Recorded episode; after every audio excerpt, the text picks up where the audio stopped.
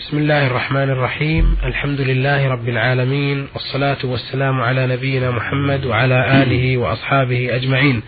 أيها المستمعون الكرام السلام عليكم ورحمة الله وبركاته وأهلا ومرحبا بكم في هذا اللقاء الجديد من لقاءات نور على الدرب والذي يسرنا أن نكون فيه بصحبة سماحة الشيخ عبد العزيز بن عبد الله بن باز الرئيس العام لإدارات البحوث العلمية والإفتاء والدعوة والإرشاد.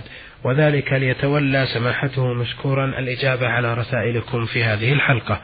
أولى الرسائل وردت من الأخ عين ميم خاء مصري الجنسية مقيم بالمملكة. يقول في رسالته تزوجت امرأة ليست من أقاربي من مدة تتراوح آه، بين عام واحد. وبعد الزواج حصل لها مرض فذهبت بها إلى الطبيب. المختص للنساء فقال لي بعد الكشف عليها امرأتك حامل في الشهر السادس. وكان هذا الأمر أي ذهابنا إلى الدكتور بعد زواجي بها بشهر تقريبا. فهل يحق لي أن أبقى معها وأعاملها كزوجة وآمن عليها في عرضها وشرفها بعد الذي حصل وهي بكر ولم يكن عندي علم إلا بعد الزواج بها أم يكون الطلاق أفضل رغم أنني لا أريد أن أعيش معها وقد حصل لي منها عقدة نفسية فإذا حصل الطلاق هل لها علي حقوق من ذهب وخلافه ومهر؟ أفيدوني أفادكم الله. بسم الله الرحمن الرحيم. الحمد لله وصلى الله وسلم على رسول الله وعلى آله وأصحابه ومن اهتدى بهدى أما بعد هذا النكاح باطل لأنه صادفها حبلى ونكاح الحبلى لا يصح من غير الناكح. وقد صح عن رسول الله صلى الله عليه وسلم أنه نهى أن يسقي العبد زرع غيره يعني أن ينكح الحامل. فالواجب على عليك فراقها وتركها. أما ما يتعلق بالمهر وما يتعلق بحقوقها فهذا بينك وبينها عند المحكمة إن لم تصطلحا على شيء. المقصود النكاح باطل لأنها امرأة معتدة من غيرك وحامل من غيرك فالنكاح باطل. وأما ما يتعلق هل هي مطاوعة أو مكرهة على الزنا وأسباب هذا الحمل هذا شيء يتعلق بالمحكمة وفيما تراه المحكمة الكفاية فيما يتعلق بأمر المرأة وما أمر الدعوة بينك وبينها في حقوقها. والله أعلم. نعم.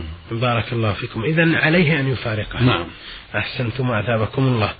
وهذه رسالة وردت إلى البرنامج من المرسل عين ألف عين صومالي مقيم في مدينة الرياض. يقول السائل في رسالته هل يجوز لامرأة مسلمة أن تذهب مع رجل أجنبي وقد اتفقا على الزواج سواء رفض والدها أم وافق؟ وفي حالة رفض ولي أمرها لسبب ما يقول هل يجوز لامرأة مسلمة أن تذهب مع رجل أجنبي وقد اتفقا على الزواج سواء رفض والدها أم وافق؟ وفي حالة رفض الوالد لسبب ما فيذهب الاثنان إلى منطقة بعيدة مسافة القصر وهناك يتم عقد النكاح. وكلنا نعلم أن الخلوة الأولى حرام. أفيدونا أفادكم الله. هذا العمل لا يجوز. ليس للرجل أن يسافر امرأة ليست محرما له ولو كان خاطبا لها. وهذه هذا السفر وهذه الخلوة يتهمان فيها فلا يجوز أبدا لا يخلو بها ولا يسافر معها. بل يجب عليه الحذر من ذلك وعليها الحذر من ذلك وليس لها الزواج إلا بوليها.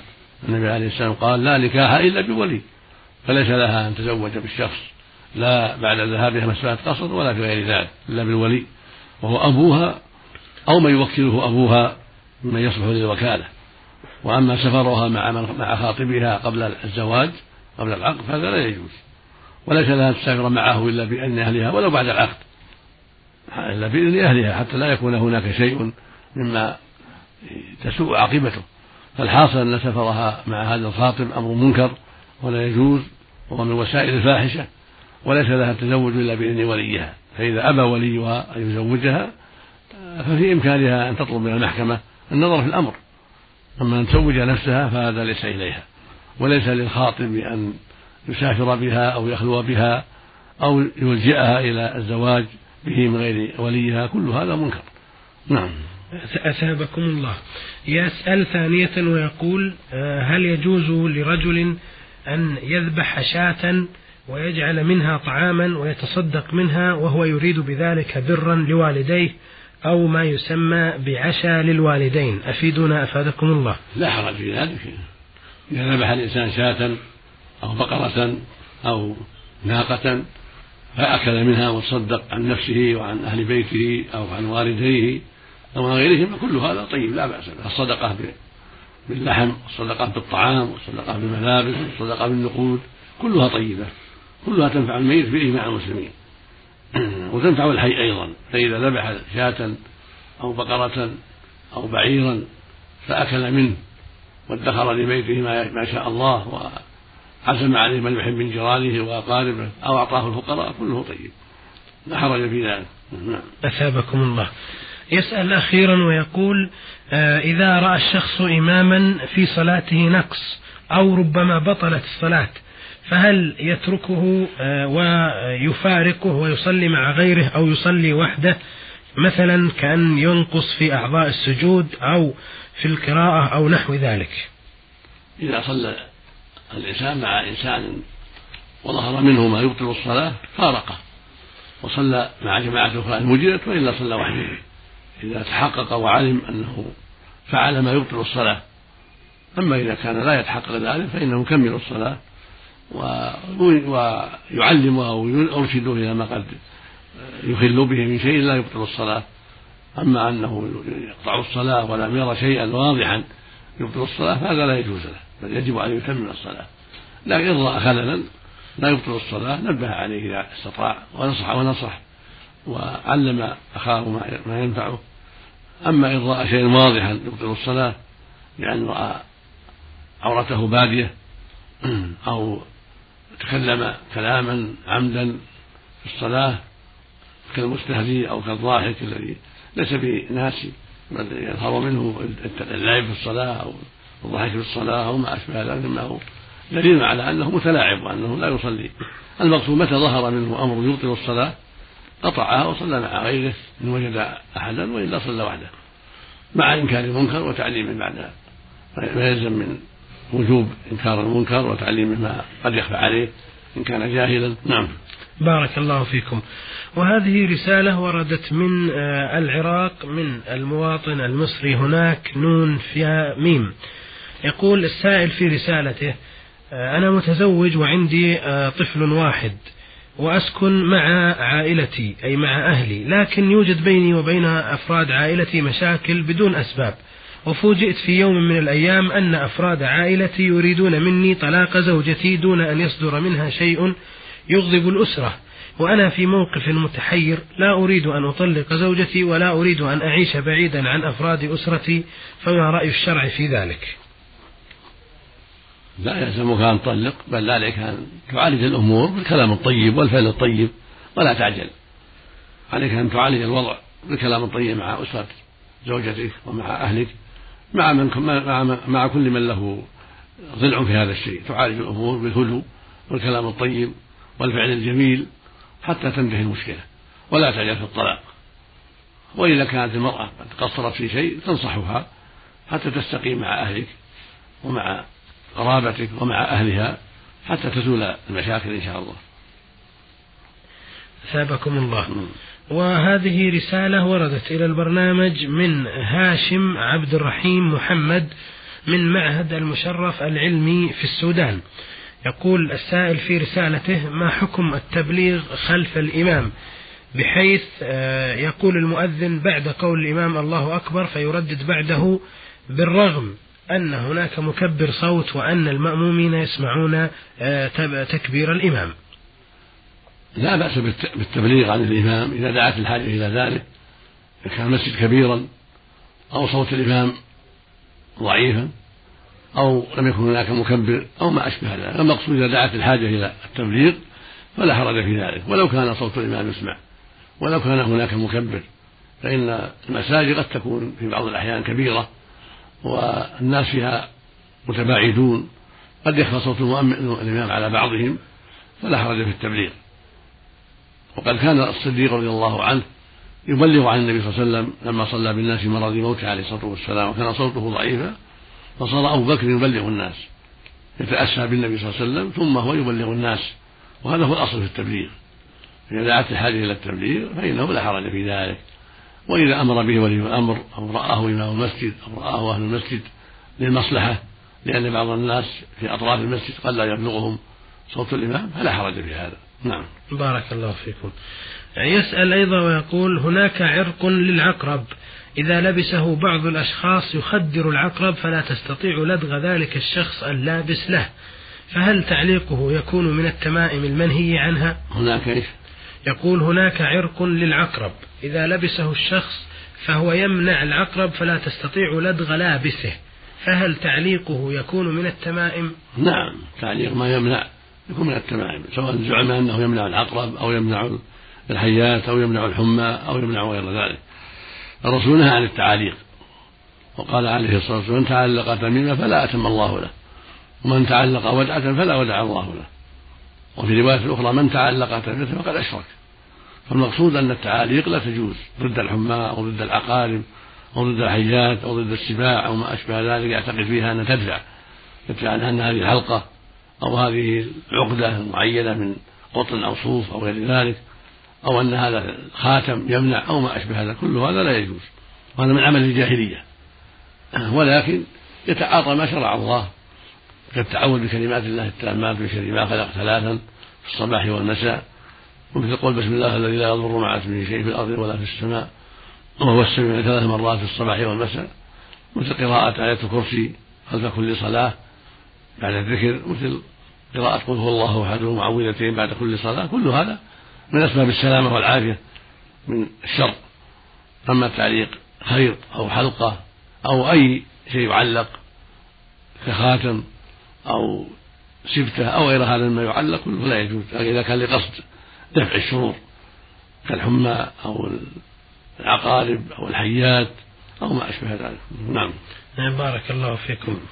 يسأل السائل أيضا ويقول آه نعلم آه، أن من آه، كان من أهل الجاهلية أي قبل مبعث النبي صلى الله عليه وسلم فهو من أهل الفترة. سؤالي آه، عن أهل الفترة ما حكمهم؟ لأنني سمعت حديثا عن رسول الله صلى الله عليه وسلم أنه جاءه رجل فقال أين أبي؟ فقال في النار. فذهب الرجل يبكي فناداه فقال له أبي وأبيك في النار. فهل هذا الحديث صحيح؟ أفيدونا أفادكم الله. الصحيح من أقوال العلماء أن أهل الفترة يمتحنون يوم القيامة ويؤمرون فإن أجابوا وأطاعوا دخلوا الجنة وإن عصوا دخلوا النار وجاء في هذا عدة أحاديث عن أبي هريرة رضي الله عنه وعن الأسود بن سريع التميمي وعن جماعة كلها تدل على أنهم يمتحنون يوم القيامة ويخرج لهم عنق من النار ويؤمرون بالدخول فيه فمن أجاب صار عليه بردا وسلاما ومن أبى التف عليه وأخذه وصار إلى النار نعوذ بالله من ذلك. فالمقصود أنهم يمتحنون. فمن أجاب وقبل ما طلب منه وامتثل دخل الجنة ومن أبى دخل النار. هذا هو أحسن ما قيل في أهل الفترة. وأما حديث أن أبي وأباك في النار فهو حديث صحيح. رواه مسلم في صحيحه. أن رجلا قال يا رسول الله أين أبي؟ قال في النار. فلما ولد دعاه فقال إن أبي وأباك في النار. واحتج العلماء بهذا على أن أبا النبي صلى الله عليه وسلم كان ممن بلغته الدعوة وقامت عليه الحجة. فلهذا قال في النار. ولو أنه كان من الفترة لما قيل له هذا. وهكذا لما أراد يستغفر لأمه عليه الصلاة والسلام نهي عن ذلك. نهي أن يستغفر لها ولكنه أذن له أن يزورها. ولم يؤذن له في الاستغفار لها. فهذا يدل على أنهما بلغتهما الدعوة وأنهما ماتا على دين الجاهلية على دين الكفر. وهذا هو الأصل في الكفار أنهم في النار. إلا من ثبت والله يعلم أحوالهم أنه لم يبلغه الأمر ما بلغته دعوة الرسل هذا هو صاحب الفترة. من كان في علم الله أنه لم تبلغه الدعوة والله سبحانه وتعالى أحكم الحاكمين هو الحكم العدل فيمتحنون يوم القيامة. أما من بلغته الدعوة في حياته دعوة الرسل كدعوة إبراهيم وموسى وعيسى وعرف الحق ثم بقي على الشرك بالله هذا ممن من بلغته الدعوة. فيكون من أهل النار لأنه عصى واستكبر عن اتباع الحق. والله جل وعلا أعلم. نعم. بارك الله فيكم. هذه رسالة من خلف آه، سالمين السيد سالمين ويعمل بالعراق. يقول في رسالته أبي كان متزوجا بامرأة قبل والدتي وأنجب منها طفلة ثم طلقها وتزوج بوالدتي وأنجب منها ولدين وبنتين وتوفي وبعد وفاته بحوالي خمسة أعوام توفي أحد الأبناء. فهل لأختي الثالثة التي من أبي من المرأة السابقة حق في الميراث من أخي هذا المتوفي أخيرا أم لا؟ لا ليس لها حق لأنها أخت من الأب. وإنما الإرث لأخيه الشقيق وأختيه الشقيقتين. وأما أخته من الأب فيحجبها الأخ الشقيق. نعم. بارك الله فيكم. وهذه رسالة من جلال عبد الحافظ مصري الجنسية يعمل في العراق. يقول والدتي زوجتني سابقا وأجبت طلبها وتزوجت على إرادتها وأنجبت طفلا من المرأة التي زوجتني إياها. وبعد مدة طلبت مني أن أطلق هذه المرأة وفعلا طلقتها ترضية لوالدتي وزوجتني بأخرى غيرها ونحن سعداء أنا وزوجتي ولكن أمي تقول لي طلقها. فأنا آه، محتار في هذا أفيدوني أفادكم الله. عليك بالتثبت في الأمور وعدم العجلة. والوالدة لها حق عظيم الوالدة والوالد لهما حق عظيم لكن لا لا تعجل في الأمور. وطاعتهما حق وبرهما واجب. لكن لا تعجل في الأمور واستسمح الوالدة إذا كانت الزوجة صالحة وطيبة وليس منها بأس. تستسمح الوالدة بالكلام الطيب وتشفع إليها بالناس الطيبين من إخوانها أو أخواتها أو غيرهم من يعز عليها لعلها تسمح ولا تعجل. إذا كانت الزوجة طيبة. أما إذا كانت الزوجة غير طيبة ففارقها وأطع والدك فإنها إنما نصحت لك. فلا فعليك أن تطيعها في المعروف وتفارق هذه المرأة وسوف وسوف يعطيك الله خيرا منها بسبب برك وطاعتك لأمك في الخير والمعروف. نعم. بارك الله فيكم. هو أضاف أخيرا ويقول آه، أنا خرجت من البيت الخاص والذي خلفه والدي وتسكن فيه والدتي وسكنت في بيت بيت بعيد عن والدتي تلافيا للمشاكل. فهل علي إثم في خروجي هذا؟ إذا كانت الوالدة سمحت بذلك فليس عليك إثم. أما إذا كانت الوالدة غير سامحة وهي في حاجة إليك فالواجب عليك أن ترجع إليها وأن تبقى معها لقضاء حوائجها وإيناسها والحرص على برها. فإن برها من أهم المهمات ومن أعظم الواجبات. أما إذا سمحت عنك فلا بأس. بارك الله فيكم.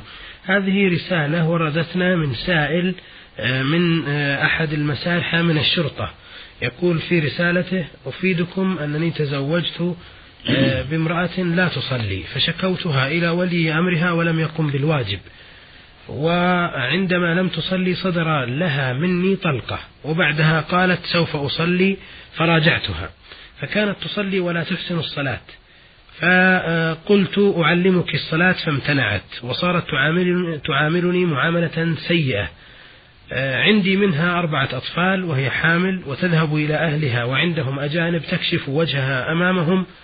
ولا تراجع نفسها وتخرج من البيت بدون إذن وأصبحت في حالة آه، سيئة من عمل هذه المرأة فهجرتها فلم آه، يزدها ذلك إلا عنادا.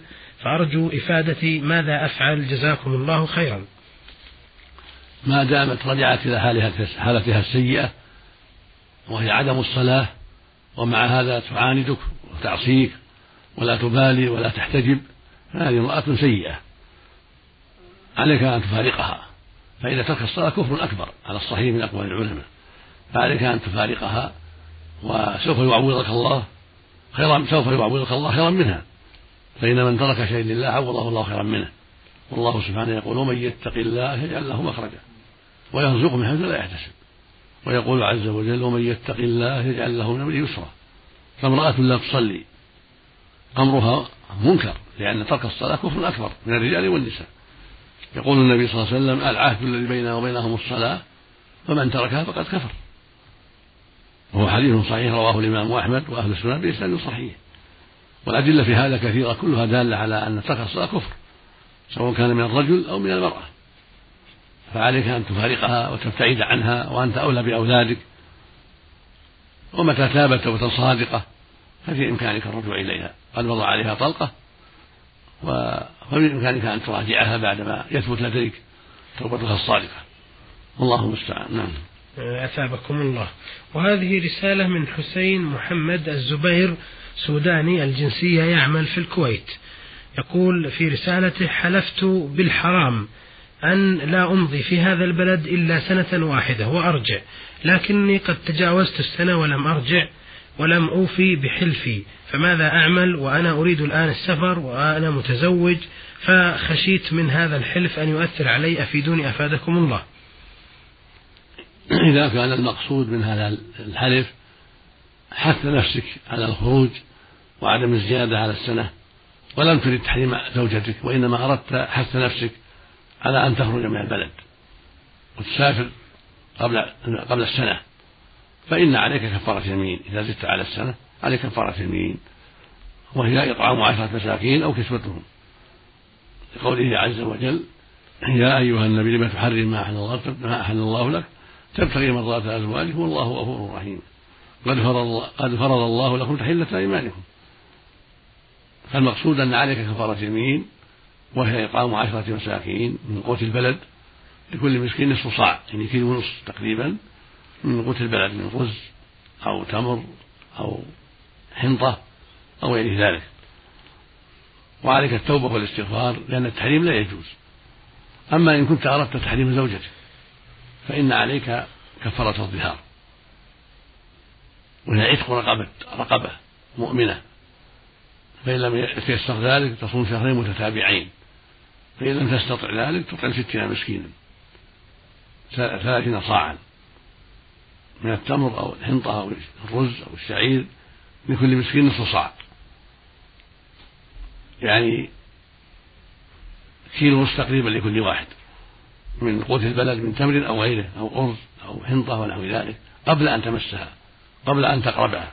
لأن هذا في حكم الظهار. إذا كنت أردت تحريم زوجتك إذا زدت على السنة. نعم. بارك الله فيكم. و... ويسأل أيضا ويقول عندنا عادة في بلدتنا وهي أنه إذا مات أحد يقومن النساء بالصراخ ووضع التراب على رؤوسهن ونحو ذلك فما حكم هذا؟ بارك الله فيكم. هذا لا يجوز. واجب الصبر والاحتساب وعدم الجزع إذا مات الميت فالمشروع لأهل الإيمان من الرجال والنساء الصبر والاحتساب. وأن يقول الجميع إنا لله وإنا إليه راجعون. قدر الله وما شاء فعل. هذا هو المشروع. أما الصراخ وضع التراب على الرأس هذا منكر لا يجوز. هذا من عمل الجاهلية. يقول النبي صلى الله عليه وسلم ليس منا من ضرب الخدود وشق الجنوب ودعا بدعوى الجاهلية. ويقول صلى الله عليه وسلم أنا بريء من الصارقة والحارقة والشاقة. والصارقة التي ترفع صوتها عند المصيبة والحالقة التي تحرق شعرها. ومثل النفس والقص والشاقة التي تشق ثوبها عند المصيبة. من هذا أخذ التراب وحث التراب على الرأس وشبه ذلك؟ المقصود أن النياحة ونتف الشعر أو قص الشعر أو حلقه وأخذ التراب ضربه على الوجه أو على الرأس كل هذا من عمل الجاهل لا يجوز نعم. بارك الله فيكم. هذه رسالة من المرسلة ميم ميم ميم من الرياض.